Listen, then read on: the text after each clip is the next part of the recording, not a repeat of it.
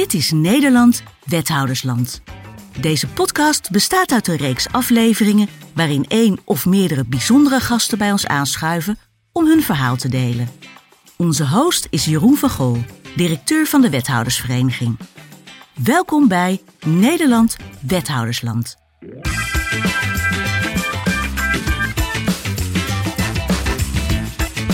Welkom bij eh, de nieuwe podcast Nederland eh, Wethoudersland. Ik zit hier vandaag met Gertjan Buitendijk. Gertjan is secretaris-generaal van het ministerie van Algemene Zaken sinds 2020. Daarvoor was hij eh, directeur-generaal bij het ministerie van Binnenlandse Zaken en ook nog bij het ministerie van Sociale Zaken en Werkgelegenheid. En tussen 1998 en 2006 wethouder in de gemeente Strijen. Nou, zoals uh, voor alle luisteraars uh, bekend, beginnen we altijd met de vraag van de voorganger. En uh, de vraag die aan jou, Gertjan, is gesteld, was van Marije van den Berg. Zij, met haar besprak ik het perspectief van de inwoner. En zij stelde de vraag: op het moment dat zich een complexe situatie voordoet en er lastige keuzes gemaakt moeten worden, maar eigenlijk wil je dat niet, wat voor een rechtvaardiging of smoesje verzin je dan om er onderuit te komen? Gert-Jan. Dankjewel voor je introductie, Jeroen. Ja, smoesjes, nee, daar doen we niet aan. Kijk, bij dit soort dingen zou ik zeggen, duiken bovenop. Uh, hoe complexer het probleem, hoe leuker ook eigenlijk. Om na te denken over hoe je het kunt oplossen. Dus het helpt niet uh, om weg te kijken als er een probleem zich aandient, zou ik zeggen. Uh, en dat betekent dat je vooral nieuwsgierig moet zijn naar wat erachter zit, vind ik. En dus met mensen moet praten, op zoek moet gaan naar de analyse en vervolgens naar de oplossing. Ja, dus geen probleem te complex om het zo maar te zeggen. Ja, eigenlijk, eigenlijk niet toch? Ik bedoel, uh, zonder problemen zou de wereld ook saai zijn, vind ik. Zo is dat. Uh, is ook een beetje voor ingehuurd om uh, problemen op te lossen. Heel mooi. Nou, dat, we, we, leven in een tijd waarbij er genoeg problemen zijn op te zoeken. Zeker. of die komen aanwaaien. Daar gaan we het ook het komend half uur met elkaar over hebben. De complexe dossiers. Um, als ministerie van Algemene Zaken komt daar natuurlijk alles wat ons land betreft voorbij. En daarom lijkt het me ook heel leuk om, om met jou te verkennen van um, ja, hoe ga je dan om met uitdagingen die op je bord komen op zo'n eh, ministerie van Algemene Zaken. Uitdagingen die je van tevoren eigenlijk niet zag aankomen, maar waar je dus wel je tanden in moet zetten. Kun je daar iets over vertellen? Ja, de, dat kan. Kijk, het zijn natuurlijk niet alleen maar nationale problemen. Kijk naar de actualiteit van vandaag. Dan is de minister-president ook behoorlijk bezig met. Uh, uh, de problematiek in de wereld, het Midden-Oosten. Um, en uh, als secretaris-generaal van Algemene Zaken op het ministerie van de minister-president ja, komt wel alles langs wat die, die kabinetsploeg bezighoudt. Dus dat, je hebt gelijk dat, dat de meeste ingewikkelde problemen, die, die vinden wel hun weg ergens op enige wijze naar de treffenzaal waar dan besluitvorming door het kabinet kan plaatsvinden. Uh, en wat, wat is dan eigenlijk complexiteit? Ik, ik, ik zou denken dat daar een paar aspecten aan zitten. Ik denk dat het gaat over de inhoud. Hè. Soms is de inhoud gewoon ongelooflijk ingewikkeld.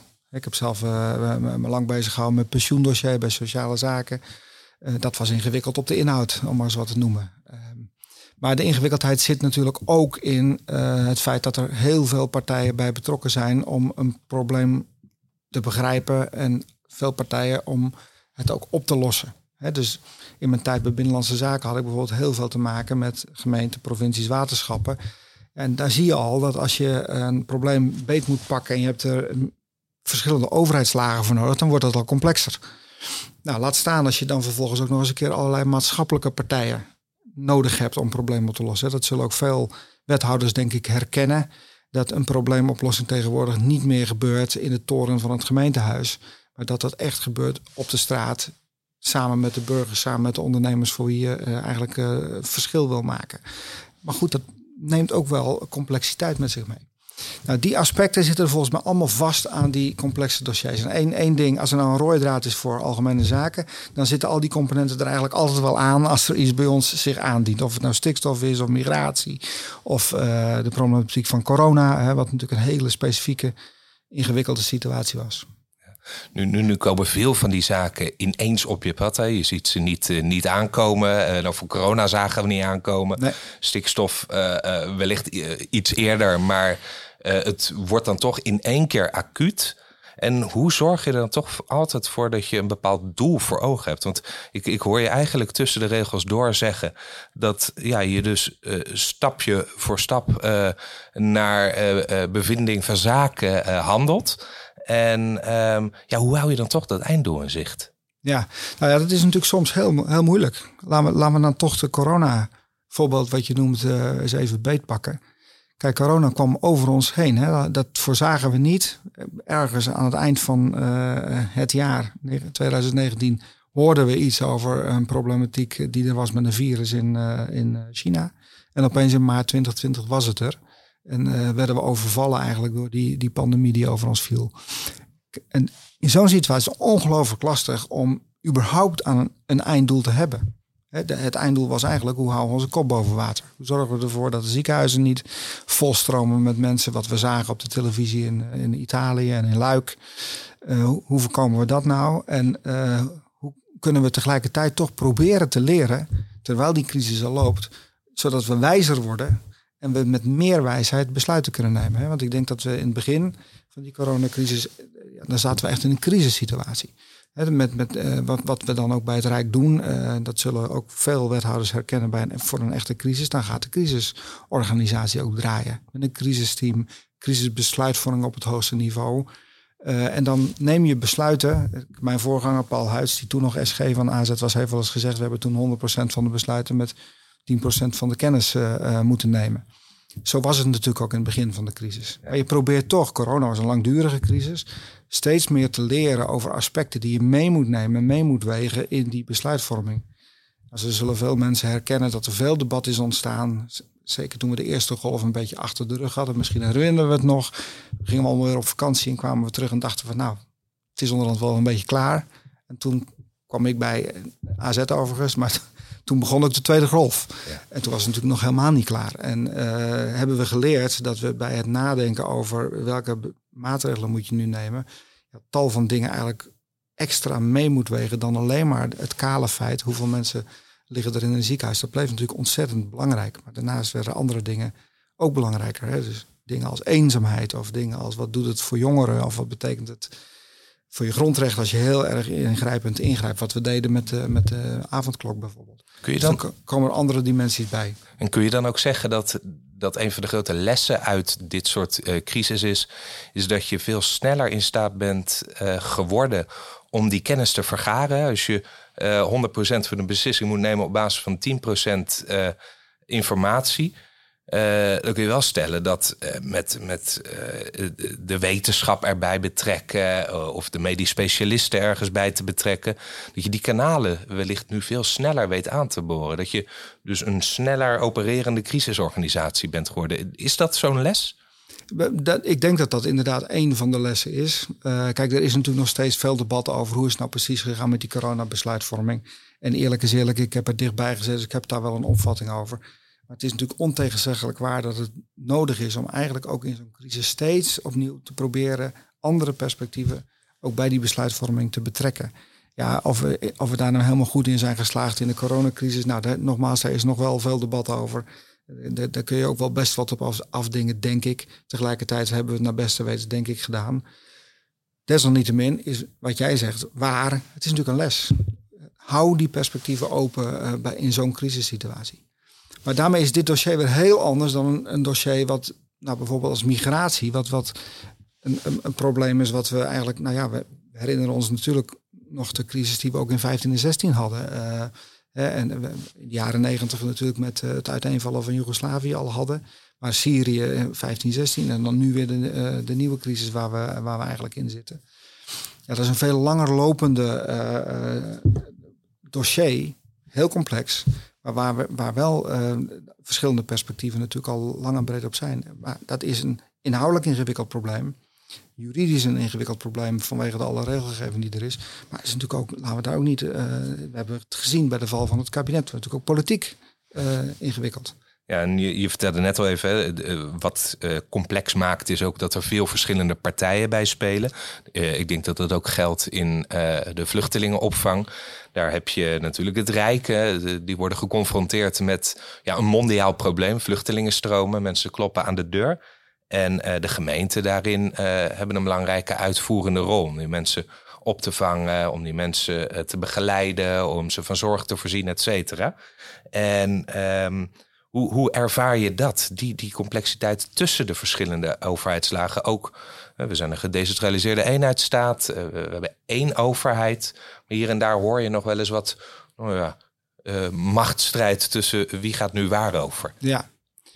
Ja, kijk, misschien dan ga ik toch nog even terug naar 15, 16. Omdat ik in die periode was ik directeur-generaal bij Binnenlandse Zaken. En deed ik heel, het contact met de gemeente, zou je kunnen zeggen, in zekere zin, hè, vanuit het BSK-perspectief. Mijn collega DG uh, eh, voor Migratie, Jan Kees Goed toen, die werd geconfronteerd met de grote op, opvangperikelen die er toen ook waren. Die moest eigenlijk zorgen dat iedereen s'avonds een bed had. Uh, en die belde me op een gegeven moment op. En die zei, joh Gert-Jan, ik ben heel druk nu bezig met die opvang. Ik ben aan het bellen met burgemeesters, met, uh, met wethouders... om te kijken waar zijn de plekken waar mensen kunnen slapen. Maar tegelijkertijd moeten we ook met elkaar even goed regelen... dat alles wat, we, uh, wat hier bij het Rijk aan regelgeving geldt... en leidt tot het binnenkomen van mensen... de opvangafspraken die we daarover hebben... dat heeft consequenties voor de gemeente. Daar moeten we goede afspraken met de gemeente over maken. Wil jij nou met jouw mensen zorgen dat die afspraken met de gemeente worden gemaakt. Dan kan ik me helemaal richten op uh, de opvang van de mensen. Ja, dat was een prima samenwerking tussen justitie en binnenlandse zaken toen, volgens mij, uh, om, om ook met de gemeente goed door, door een deur te komen. Wat je hebt gezien de afgelopen periodes, nou de vergelijking maak, is dat de aantallen nog groter werden. En bovendien hadden we niet alleen een grote migratie-instroom, maar we werden ook nog eens geconfronteerd met de oorlog in de Oekraïne. Met nog eens extra, nou ja, tienduizend, zo niet honderdduizend mensen die vanuit de Oekraïne ook nog eens binnenkwamen, waar een apart spoor voor opvang eigenlijk is georganiseerd. Dus als je terugkijkt naar het afgelopen jaar, vind ik dat gemeenten in totaliteit een geweldige prestatie hebben geleverd met het, uh, de opvang van, uh, van mensen die binnen zijn gekomen in ons land. Uh, en desalniettemin is natuurlijk veel debat, veel discussie over de vraag: ja, doen we dat nou goed genoeg? Hoe zorgen we er nou voor dat we die eerste opvang goed regelen? En hoe zorgen we ervoor dat die opvangcapaciteit niet verstopt gaat zitten, omdat we aan de achterkant de mensen die echt een status hebben gekregen, uh, niet in huizen terecht kunnen. Ja. ja en dan, heb, dan heb, je dus in, in de andere ja. ja. precies, zo is het. Dan loop je dus opeens tegen een heel ander dossier aan, wat hier natuurlijk alles mee te maken heeft. Ja, ja. Nou ja, dan is het zaak uh, dat wij in Den Haag uh, zorgen dat de mensen die daarop moeten acteren of verantwoordelijkheid voor nemen, dat die goed bij elkaar komen en ook besluiten nemen die in elkaars verlengde liggen. Hè, dat het elkaar niet tegenwerkt. En daar is echt wel een aanmerkelijk verschil tussen uh, het Rijk zoals ik het ken en de gemeente zoals ik ze ken. Omdat dat collegiale bestuur wat je in de gemeente hebt, dat zullen veel wethouders herkennen met een ambtelijk apparaat wat werkt voor het hele ja. uh, gemeentelijke college. Dat kennen we hier niet in Den Haag. Hè. In Den Haag hebben we departementen die allemaal voor een eigen bewindspersoon werken. Dus we moeten er ook topambtelijk, vind ik, echt veel aan doen om ervoor te zorgen dat dat eigenlijk niet kan worden gemerkt. Alsof Lukt dat? om die... Nou ja, dat is een van de belangrijkste opgaves die ik in ieder geval zelf zo voel. Eh, die we als secretaris-generaal ook hebben met elkaar. Om ervoor te zorgen, zorg nou dat we die schotten niet ervaren. En dat we een beetje door de schotten heen kunnen werken. En ja, dan, als ik er dan naar kijk, denk god, dat doen we echt wel een stuk beter dan twintig jaar geleden. Maar ik weet ook dat als ik het aan gemeente vraag, of aan gemeentebestuurders vraag, dat ze zullen zeggen, nou, het Jan, kan echt nog wel een tandje beter. Ja, bij de gemeente gooi je gewoon twee afdelingen bij elkaar en die laat je met elkaar de klussen klaren. Ik, ik dat doen we hier slaat heel erg plat, maar jullie hebben ook interdepartementale Interdepartementale teams. Dus als je nu naar de migratiecrisis krijgt, dan is dat ook zo. Dan hebben we zelfs Defensie met, uh, met de opvangcapaciteit die Defensie soms kan leveren. Dus allerlei departementen die samen proberen daar natuurlijk het probleem uh, te tackelen. Ja. Dat is zeker zo. Nu, nu zie ik uh, ook bij deze verschillende thema's die je noemt, of het nu gaat om vluchtelingen of corona, maar we zien het ook met stikstof of met in het sociaal domein, is dat er lokaal heel veel ervaring wordt opgedaan met uh, ja, de uitwerking van regelgeving die in Den Haag wordt, uh, wordt bedacht. Je spreekt over die interdepartementale teams. Is er wel eens over nagedacht om dat ook interbestuurlijke teams te laten zijn? Dus dat je ook bijvoorbeeld een wethouder of een ambtenaar van een gemeente daar aan tafel zet. Om even een, een, een terugkoppeling te geven over hier loop ik tegenaan uh, als lokaal bestuurder. Zeker. Een heel belangrijk punt, denk ik, wat je, wat je noemt. Hè. Kijk, je moet, vind ik, als beleidsmakers altijd op zoek naar uh, wat betekent nou de regel of de, de wet die we maken voor de mensen echt? Hoe werkt het echt? Hoe werkt het uit? Ehm, en eerlijk is eerlijk, mensen die dichter op de samenleving zitten, en ik vind dat gemeenten in veel gevallen dichter op de samenleving zitten dan, uh, dan de Rijksoverheid, soms een veel beter beeld hebben over hoe werkt het nou echt uit. dus als je naar het sociaal domein kijkt of naar armoedebeleid, dan wethouders sociale zaken in gemeenten hebben gewoon een veel scherper zicht nog dan, uh, dan ambtenaren in Den Haag of uh, bestuurders in Den Haag over wat het in de praktijk precies betekent. En wat er soms ook nodig is om uh, nood te lenigen. En nou, het voorbeeld die ik daar wel van heb, is dat we bijvoorbeeld in het sociaal domein, dat was ook in mijn tijd in Binnenlandse Zaken, wel degelijk echt probeerden interbestuurlijke teams op te richten.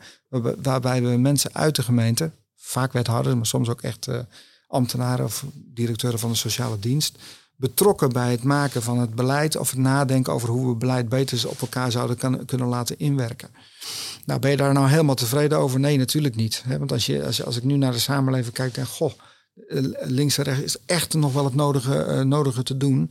Maar daar is juist die expertise en kennis van de praktijk, nogmaals, die dus in, in gemeenten soms echt beter ontwikkeld is bij ons, ontzettend hard nodig.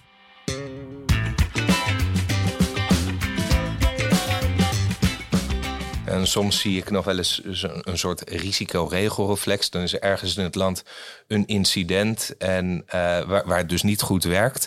En dan wordt daarna een soort algemene regel vastgesteld van zo moet het overal gebeuren. Ik denk dat Misschien ook wel voor een deel, uh, dat moet allemaal nog uit onderzoek blijken, maar de toeslagenaffaire is natuurlijk door de Bulgare fraude aangezwengeld. Uh, zijn strengere regels uh, in het leven geroepen, met vervolgens ja, die, die, die affaire als, als gevolg. Ook dit sla ik weer veel te plat. het is allemaal veel complexer dan dit. Maar voor de podcast wel zo fijn om dingen even plat te slaan.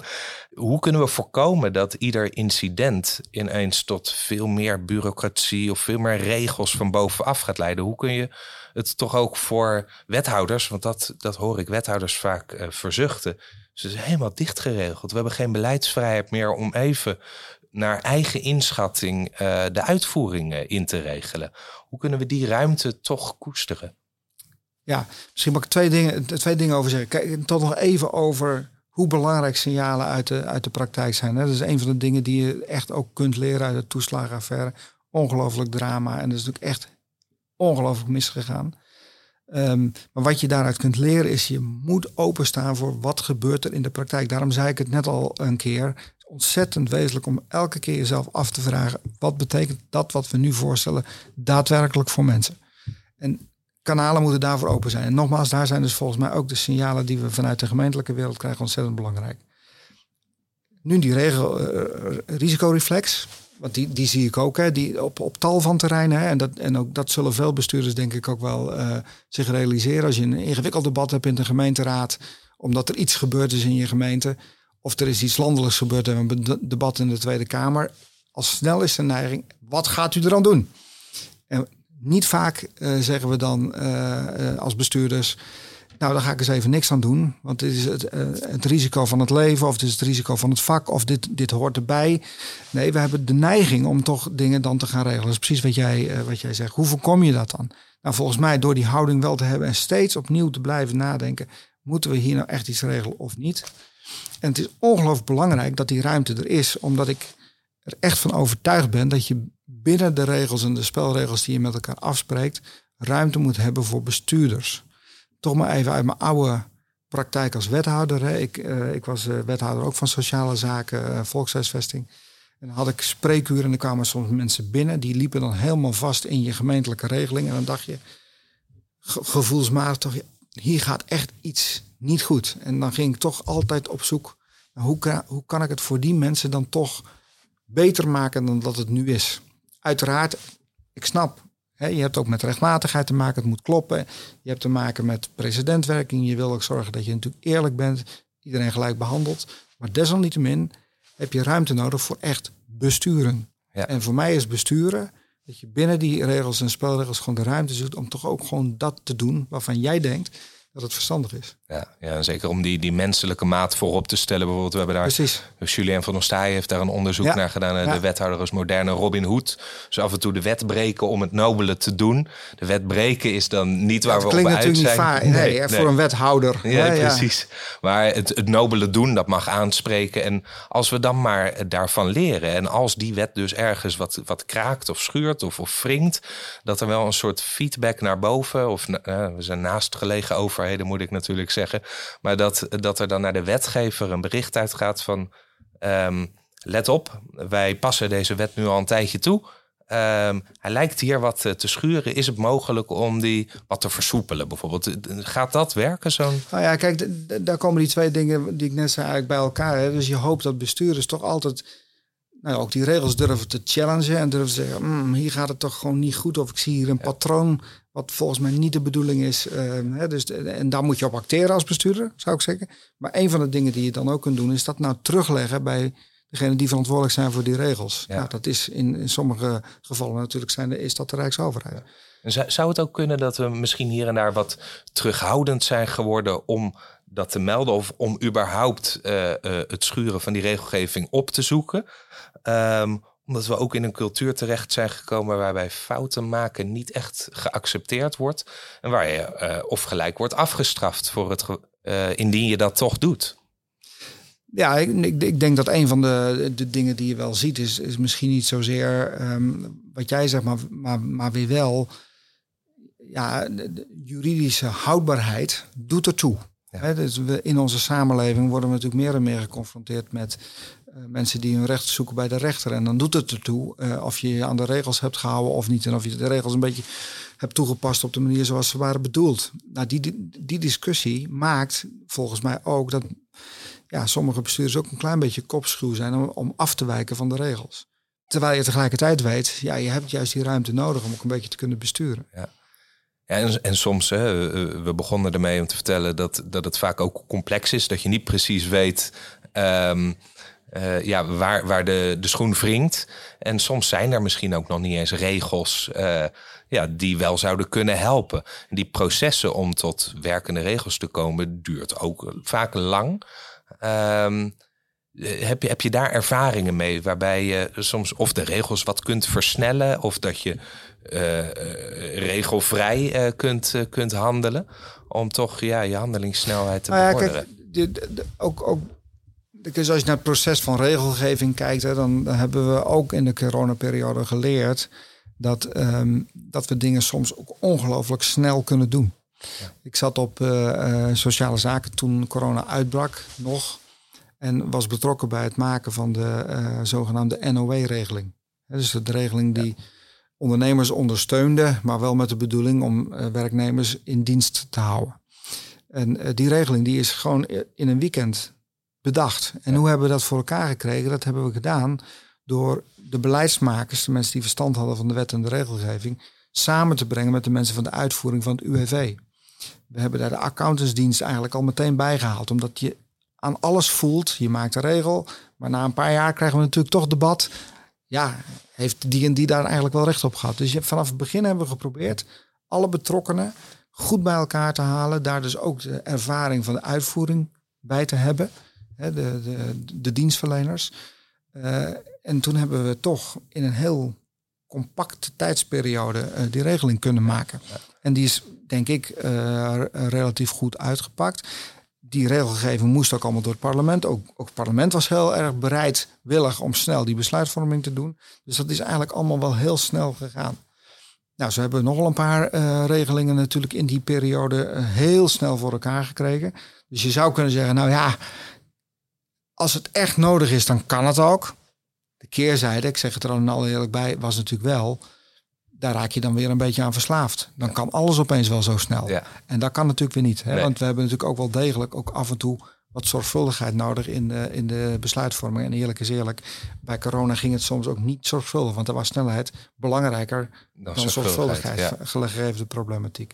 Maar het is natuurlijk interessant om te zien, kun je daar nou wat uit leren? Dat je soms toch ja. hele langdurige processen die we hebben, niet toch een klein beetje kunt versnellen. Ja. Antwoord is natuurlijk ja, dat zou moeten kunnen. En um, een van de vragen die je uh, natuurlijk steeds moet stellen, daar duidde jij ook al op. Van, ja, is regelgeving altijd wel het antwoord op het probleem uh, wat er ligt? Soms is het natuurlijk helemaal niet het geval.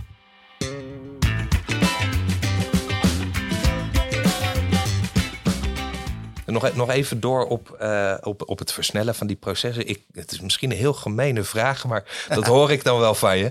Maar ik weet dat heel veel luisteraars uh, nu ook denken van... kunnen we het, het proces niet wat versnellen rondom een herijking van het gemeentefonds? Dat is niet de primaire verantwoordelijkheid van het ministerie waar jij secretaris-generaal bent. Maar ik weet wel dat heel veel gemeenten zich afhankelijk voelen van de financiële ruimte die zij hebben om hun taken, die uh, wat uitgebreid zijn de laatste tijd, om die uh, tot een goed einde te brengen.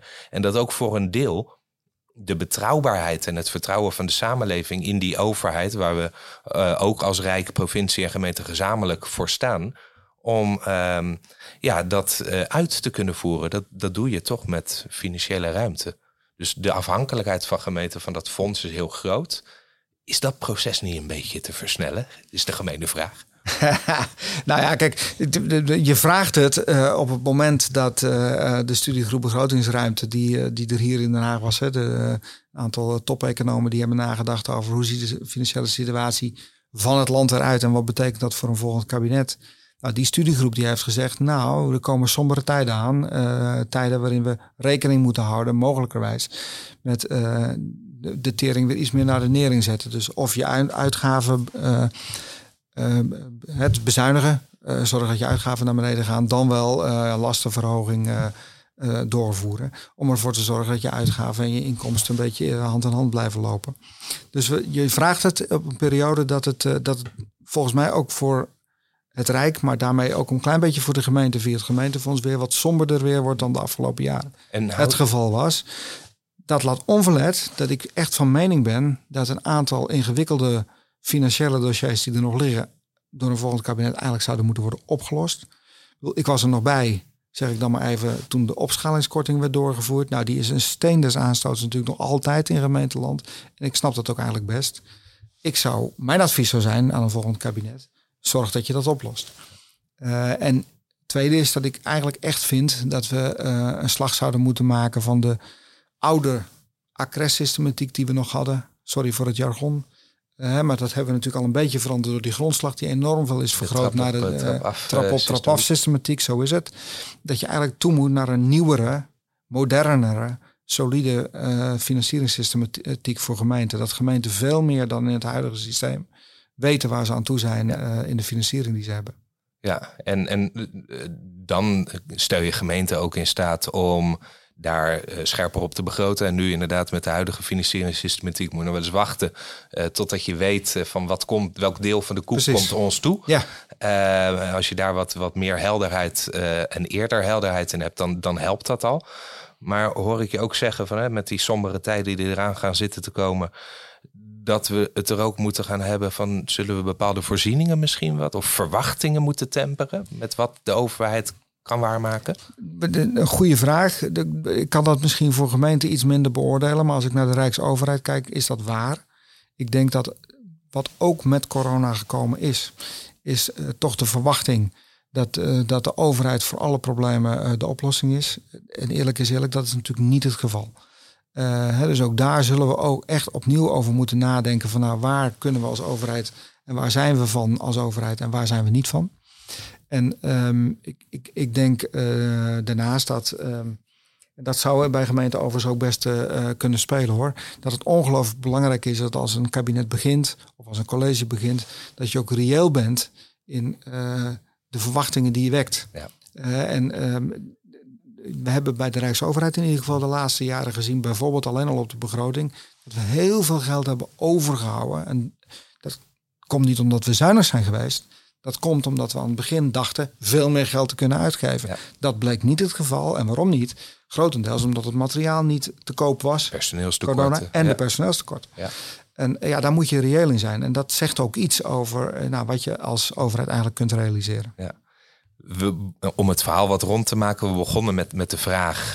Um, ja, wat doe je nu als, als je geconfronteerd wordt met een lastige situatie? En wat voor smoesje bedenk je dan? Ik hoor je zeggen, die bedenk ik niet, we pakken het aan.